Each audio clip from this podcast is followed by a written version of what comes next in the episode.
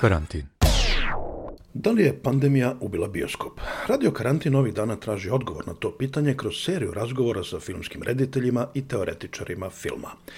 Ja sam Aleksandar Kocić. Isuse, kak je pametan. A moj današnji gost je jedan od najpoznatijih reditelja u bivšoj Jugoslaviji, Rajko Grlić. To, bravo. Karaula, samo jednom se ljubi, Ustav Republike Hrvatske i naravno U raljama života.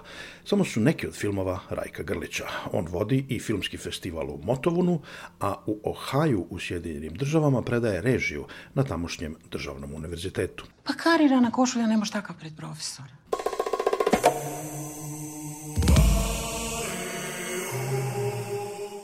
Mi smo videli vesti o tome da je nakon recimo otkazivanja novog filma o Jamesu Bondu, filmski lanac Cineworld praktično rekao da prestaje da postoji.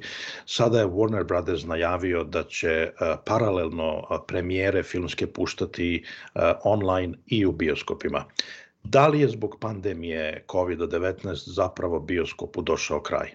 Pa priča je počela malo ranije kad je Paramount objavio da će paralelno puštati, a to je bilo negdje u šestom, sedmom mjesecu, ja mislim. E, onda je lanac američkih kina rekao hvala, nemojte uopće dolaziti k nama. To je bila prva takva. onda je sad New York Times objavio negdje pred 15 dana da je Warner Bros rekao da će to biti samo za godinu dana i da to važi samo za Ameriku. Meni to miriše na kraj Kina. E, ja sam vrlo sentimentalan čovjek koji je u Kinima odrastao, kome su Kina bili to što me utjeralo u život koji živim sa filmom. E, prema tome, jedan ogroman dio mene ako nestaju Kina. Da li se sećate svog prvog bioskopskog iskustva? Kako ne, vrlo, vrlo dobro. To je bilo kino Mosor u ulici socijalističke revolucije u Zagrebu. Mi smo stanovali vrlo blizu, tako da sam kao klinac mogao ići.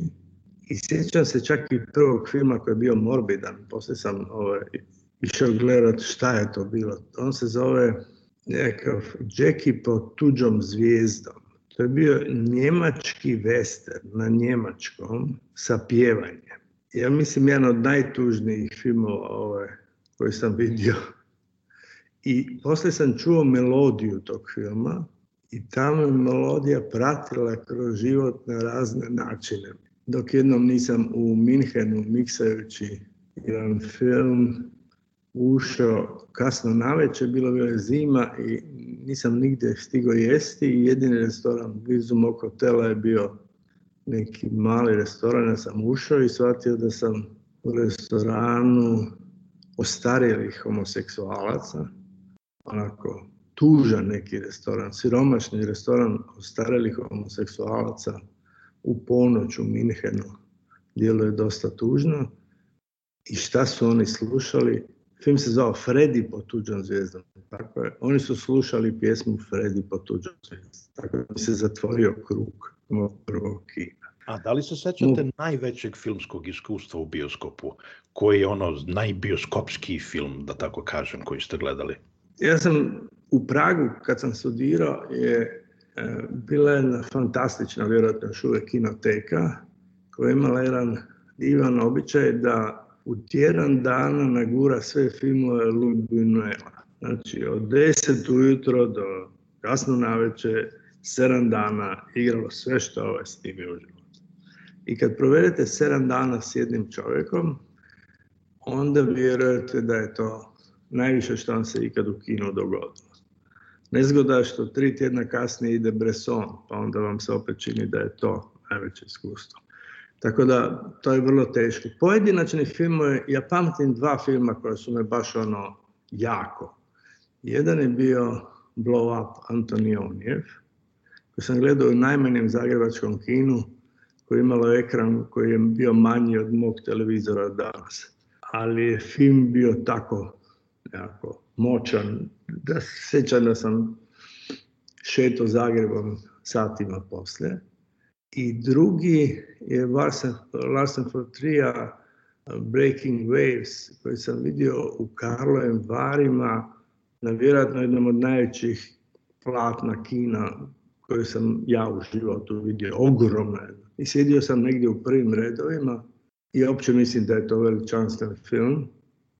Film koji je preloman film uh, jednog vremena i znam da sam nakon toga onim stazama kroz šume i parkove Karlovi Hvari, dugo, dugo luto jer me baš film onako tresno. Evo, to su neka iskustva. ali ima ih puno. Ja sam rano naučio da iz kina mogu izaći, što je, znači ako mi se nakon deset minuta ne sviđa, ili moja akademija imala običaj da u Brnu je koncem 60-ih, početkom 70-ih bio jedan od najvećih kinosajmova za istočnu Evropu, najveći vjerojatno. I tu je dolazilo dvije, tri hiljade filmova. I onda su, kako smo mi imali na FAMU dva kina, imali smo jedno pravo kino, jedno staro židovsko kino koje je postalo FAMU kino, zajedno 400-500 ljudi. Imali smo malo kino u kojem su se vrtili kinoteka. I u tom velikom kinu su oni uspjeli sa tim sajmom napraviti nekakav deal da uzmu ne znam koju količinu filmova, ali samo na 7 dana su mogli to uzeti, tad su kopije bile, tad su se kopije morale vraćati i tako dalje. I oni su vrtili 24 sata filmove. I sad ti uđeš na film i gledaš ga i ako to nije to što bi ti gledao, ti izađeš ono van ili ješ pol sata odspavati ili sat i pol odspavati da bi mogao onaj sljedeći gledati. I ja se sjećam tog maratona kao jednog ono ataka ogromnog, to je stotine filmova koje čovjek e, pokuša gledati, a neke odgleda do kraja. I to je nama davalo nekakav osjećaj da vidimo sve što se u svijetu u tom trenutku snima. Kina sam poslije i sam počeo praviti zbog jednog kina u Motovunu koje je bilo 25 godina zatvoreno. Nekad su i mala mjesta imala kina. Ja sam Ini Jakovčiću, županu Istarskom, rekao koga sam sreo na tom trgu, ako ti obnoviš ovo kino, ja ću ti napraviti festival. I tako je počeo Motom festival. I to kino je obnovljeno. Boris Matić je našao stolice iz nekog kina u Metkoviću koje se rasvodovalo, tako da smo dobili prave kino, one stare drvene na preklapanje stolice. Projektor, i to kino je radilo, još uvijek radi za svaki festival. Par zima smo probali i vrtiti i zimske verzije. I to kino se danas zove Kino Bauer, po Branku Baueru, vjerojatno najvećem hrvatskom režiseru. Kažete mi, ako se e, zaista prestanemo da idemo u bioskope, da li će film, kako će to uticati na film i kao umetnost i kao industriju? Može li film da preživi bez bioskopa? Pa ne može film preživjeti, može televizija preživjeti. Može ovo što se danas proizvodi za televizije, za Netflixe, za hbo Amazon Prime. Postoji jedna, ja mislim da kin, e, film na malom ekranu, televizijskom, a još gore kompjuterskom, nije film. Da je to samo informacija o filmu. Da puni doživljaj filma je doživljaj velikog ekrana. Radeći filmove znam koliko brige vodimo za svaki detalj napred, nazad, tu, tamo. E, pravimo punu jednu sliku jer svaki detalj govori svoju priču i doprinosi generalne priče. Mali ekran ukida 60% te informacije. E, on ne daje tu punu sliku, on je surogat. Ja sam nedavno baš nešto pišem za Večernji ni Zagrebački, pa sam išao gledati formulaciju surogat. Jer to je surogat zapravo, to je zamjena za nešto. I ima, e, definicija završava jajnom rečenicom da, kao primjer, margarin nije puter, tako ni televizijski ekran nije veliki filmski ekran. To je surogat. Iako su televizijski ekrani sve veći i veći danas. Znam, ali nije samo ekran. Hitchcock ne funkcionira kad ga sami gledate. Tu mora biti neko oko vas ko se preplaši. Morate čuti ono u dvorani onaj uzdah. Nekakve ljubavne priče, ako, ako se u dvorani ne čuje neki plać, taj plać je dio tog filma. Film je, ima jedno sveto trojstvo koje uvijek to je onaj koji ga pravi ili oni koji ga prave, to platno na kojem je on, i treći element u tom ljubavnom trokutu je publika. Bez publike to jednostavno ne funkcionira na taj način.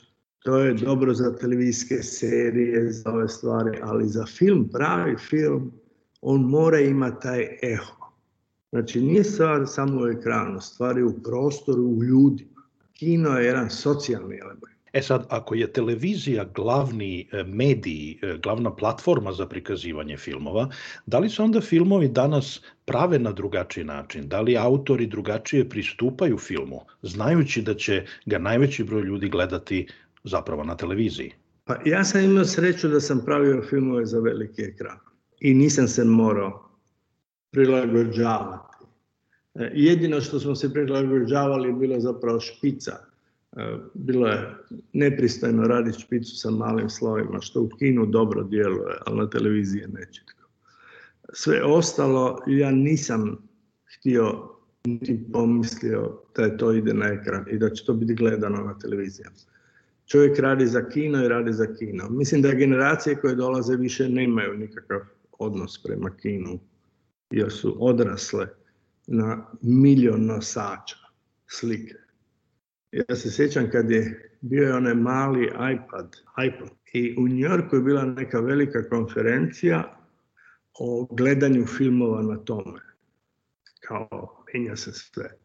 I onda su me zvali i ja sam odgovorio da ja duboko prezirem gledanje filma na takvom ekrančiću i da ne bi rado u tom sudjelovao. Onda mi je čovjek koji je organizirao konferenciju napisao, vjerujte mi, to je i moje mišljenje, ali sad se to nosi pa onda radimo konferenciju. Prema tome, ne znam, ja, ja mislim da će generacije koje doći, dolaze morati o tom misliti jer nemaju, druge, drugoga. Da će jednostavno, pa vidite da se već zapravo i narativni oblik menja, kreće se u serije. Jel? ide se tamo gdje je roman nekad počeo u nastavcima. Vraćamo se u jednu formu koja ima sasvim drugu dramaturgiju. Meni još uvijek te serije, neke su fantastične, ali većina još uvijek ima od 50 minuta u filmu bi barem 20 ili 30 minuta otpalo od toga. Još uvijek ima ove slobodne hodove, ispunjavanje vremena i tako dalje. Tako da nisam veliki ljubitelj toga, to je danas bogohumno kazati jer su serije to što sve drži. Ali ja volim kad me neko uhvati kad dva sata u toj kino sali me drži na rubu stolice. Kako ste vi reagovali, kako je vama delovalo kad, je, kad ste vidjeli da jedan od najvećih, da tako kažem, bioskopskih reditelja Scorsese svoj posljednji film eh, postavi prvo na Netflixu? ako ste čitali, on, ga je probao postaviti kao film, ali mu niko nije htio financirati. Mislim, to je realitet. Znači. To, je sign of the times. Da, to veliki. To nije, oni nisu imali ideju da će to raditi kao televiziji. Oni su samo htjeli to raditi kao. Ali to je nužnost vremena. U Americi je nestao independent film, jer e, još ga nekako proizvedu, ali ne mogu više i prije ove što se dogodilo ovo sa virusom, nisu mogli više u kina. Jer je potrebno još jednom do dva put budžet filma staviti u bilo kakvu osnovnu reklamu što independent film nije imao. Kako su art kina ostalo je samo u univerzitetskim gradovima, manje više u Americi. New York ima jednu art kino New York je prije deset godina imao šest, sedam art kine, art multiplex i tako dalje. Nema više ništa. Nema više gdje taj film i svi Netflix i HBO su vrlo pametno sve te mlade režisere pokupili, dali im da rade filmove prvo, da se ne izdaju ono u šta su krenuli, Čak su im dali da ti filmovi mogu ići u kino mjesec, dva. Ali sad polako i to nestaje i sad se sve zapravo svodi na ili special ili na seriju. Ako se masovna publika ne vraća u bioskope zato što ima kod kuće velike televizore e, i tako dalje, da li ipak postoji šansa za manje komercijalni, za umetnički film koji e, ima lojalniju publiku u malom broju bioskopa, ali to je prilično lojalna publika? Da, ali ti bioskopi, ta kina neće moći financijski izdržati to. Ta mala kina mora imati povremeno nekakve takozvane hitove i hitiće da bi time financirali neki art film, neke manje filmove, neke manje popularne filmove. Ili će to ići na subvenciju, kao što u Europi je film na subvenciji, jer ne može sam izdržati. A i te subvencije danas u ovo COVID doba polako hlape velikom brzinom. Tako da je pitanje i za europski film koliko će dugo moć u tim okolnostima zapravo raditi. Ja se samo bojim da se ljudi ne naviknu sad s ovim da je televizijski ekran jedino gdje mogu gledat i da Kina kad se jednog dana otvore će beskonačno teško vratiti svoju publiku. A kakva mislite da je sudbina filmskih festivala, od onih velikih kao što je Cannes, Berlin i tako dalje, eh, do eh, Sundance ili Motovuna? Pa ja mislim da je njihova sudbina dobra. Ja mislim da će oni biti te oaze. Oni su u, Europi i onako postali, mislim zašto danas imate dvije, tri tisuće films festivala okolo svijeta? Zato što je to jedno mjesto na koje možete vidjeti određenu vrstu filmova. to nisu samo art film, to su manji filmovi sa manjim budžetima, čak i neki s većim budžetima koji jednostavno ne mogu dopreti do multiplexa. Multiplex ima svoju neku vrlo jasnu logiku novca i ono nema nikakvog sentimenta u tom. Prema tome ja mislim da je budućnost festivala da samo nastave ono što je u Hrvatskoj, na primjer, a to je u cijeloj Jugoslaviji bivšoj, su festivali art kina. E, ja sam imao sreću sa par zadnjih filmova da pređu granicu da igraju u Srbiji, Makedoniji, u Sloveniji i ne znam. Meni je stalo do toga. Ja pravim premijere svojih filmova paralelno u svim tim bivšim republikama. Mislim da je to naša potencijalna publika, jednostavno za njih se i radi. Ali mislim da su festivali imaju sjajnu budućnost i da će oni izdržati možda duže od multiplexa, što je prije par godina izgledalo dosta nadrealno. A može li da se napravi paralela sa muzičkom industrijom koja je na neki način uspela da se prilagodi, e, prešlo se na streaming, ljudi manje kupuju nosače zvuka, ali više idu na koncerte, što bi trebalo da budu festivali i mhm. e, ljudi su našli način da žive od svoje umetnosti. Da, pa u Americi veliki pjevači i svirači tvrde da od prodaje diskova koja je tako rekoć nestala ili od streaminga se vrlo teško može živjeti. Ali da su koncerti jedino što im omogućuje život zapravo. To, je isto, to će se isto desiti sa festivalom. Festivali su ti koncerti. Festivali će postati ekskluzivni koncerti za filmove. Vi predajete e, film u Ohaju. Šta je ono osnovno mhm. što studentima pokušavate da prenesete kada je film kao umetnost u pitanju? Pa pokušavam im dati neki bazični zanat, ali to je najmanje što im možete dati. Ali mi je potrebno da tek toliko da počinju artikulirati ono što imaju. Ja ih probam učiti da jednostavno kroz sebe kopaju i da budu beskonačno znati ženi prema svijetu da gledaju, čitaju, slušaju svijet oko sebe. I skuplje iz onog što si skupio u sebi možeš jednog dana zarobiti. E, nekom elementarnom poštenju bavljenja filmom i pričanja priče. I pokušam, ja radim na taj način da uzmem nekoliko studenta i onda s njima u par godina napravim neki veći komad ili zavećeni dokumentarni ili sad sam radio sa jedan iz Irana, jedan iz Turske, jedan iz Kolumbije, jedan Amerikanac. Tri godine smo radili jedan igrani film i napravili su ga. Bio je proglašen najboljim studentskim filmom Amerike. Dobili su na nekim profesionalnim festivalima nagrade. S njima sam prolazio sve faze to je nešto između trenera i producenta. Polako ih učiš i ja vjerujem da se učit film može samo na je partner. Da moraš sam napraviti grešku, pa onda ti neko pokuša objasniti zašto to funkcionira, pa onda opet sam. Ja ne vjerujem da bi prikazujući svoje filmove studentima mogu ih išta naučiti. To mora ići kroz njihovo iskustvo, a ja sam sa strane da im probam da ih usmjeravam u tom pravcu. Tako da kad nađem takvu grupu ja jako guštam u tome. Jer je to mm, zapravo jedan vrlo kreativni proces. To nije samo edukacija. A s druge strane imate preko puta mladiće koji su uronjeni u vrijeme i u razne prostore jer dolaze iz raznih kultura koje vas obogačaju. Ja uvijek da ja studenata više pogupujem nego oni od mene. To je nekakva uzajamna igra i uzajamno povjerenje. Vi s njima sedite, vi s njima odete na piće, s njima njihove familije, vi jednostavno ste s njima probate im pomoć da naravno. To su sve graduate studenti, znači to su sve ljudi iznad 25, oko 30 godina.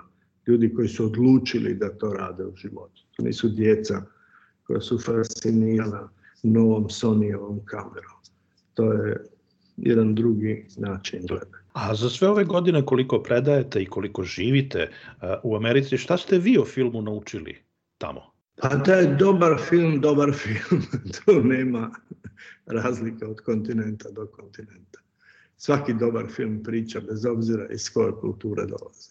Tamo sam naučio jednostavno da je priča ono što sam uvijek i vjerovao tamo anglosaksonski svijet, kao što znate, je priču doveo do, do kulta. Grčki plan priče potpuno apsorbirao i pretvorio individualnu priču. Tu sam jednostavno stekao tu sigurnost da je priča priču najvažnije da je prenošenje emocije putem priče jedan od najkompliciranijih i najjednostavnijih načina. Američki independent je meni nešto što me beskonačno veseli, čega sve ima manje, ali koji je povremeno jako mudar, povremeno fantastično napravljen. E, baza im je velika. Znate, kad vi tamo za 10.000 klinaca koji godišnje završavaju razne filmske škole i medijske škole, ne znam na kraju toga ima nade da jedan mali dio njih zaista uđe u svijet filma.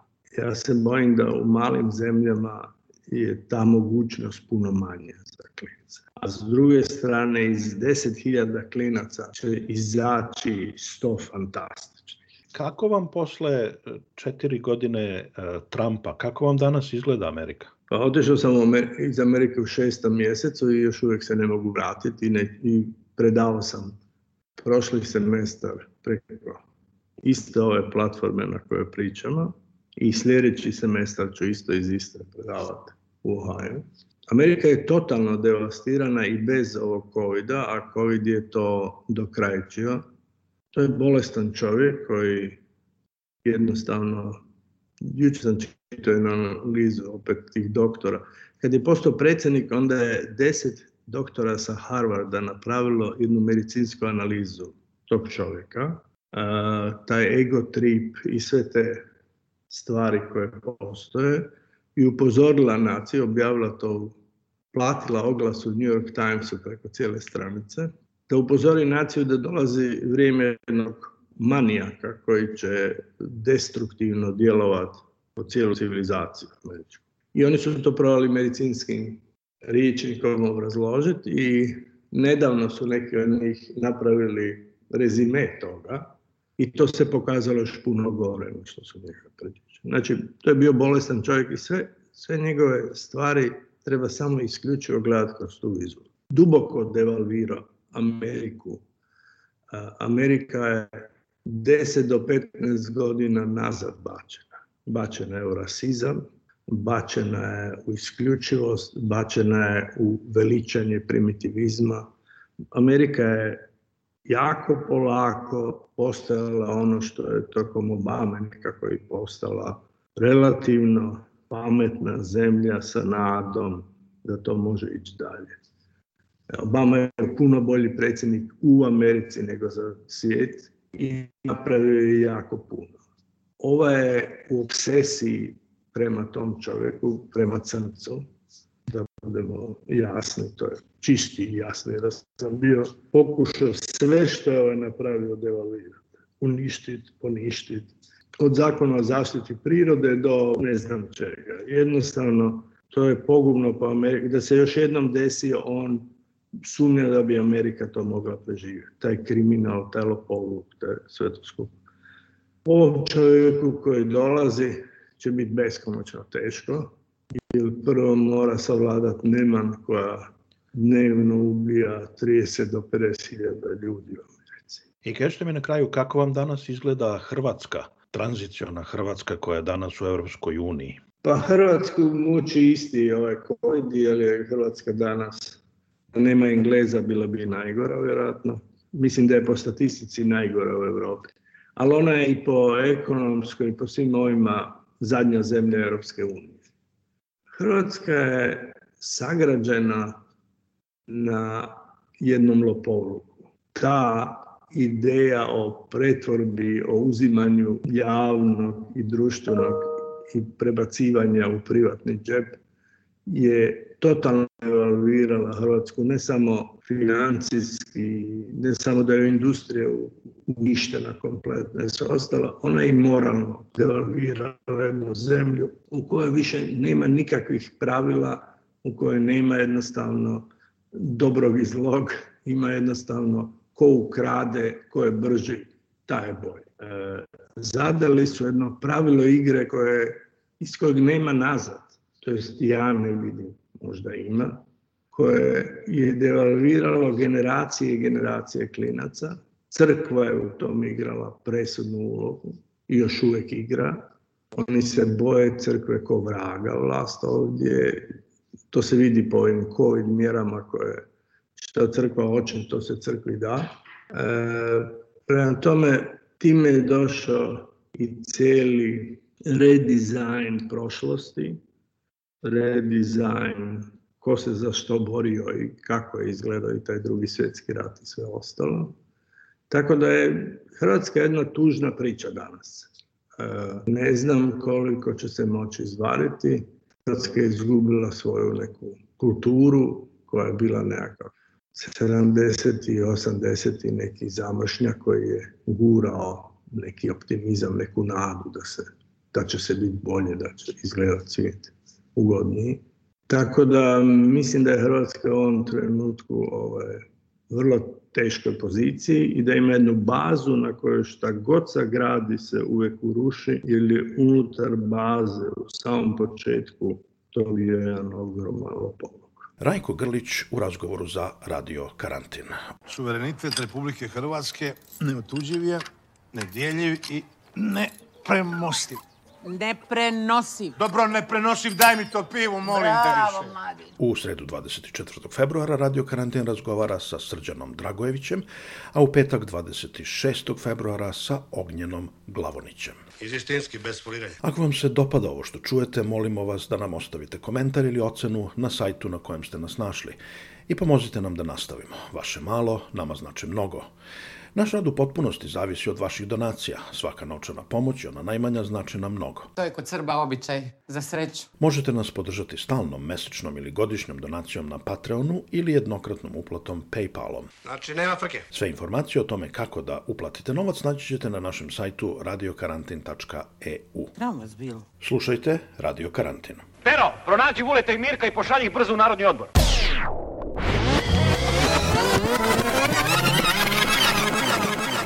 Radyo Karantin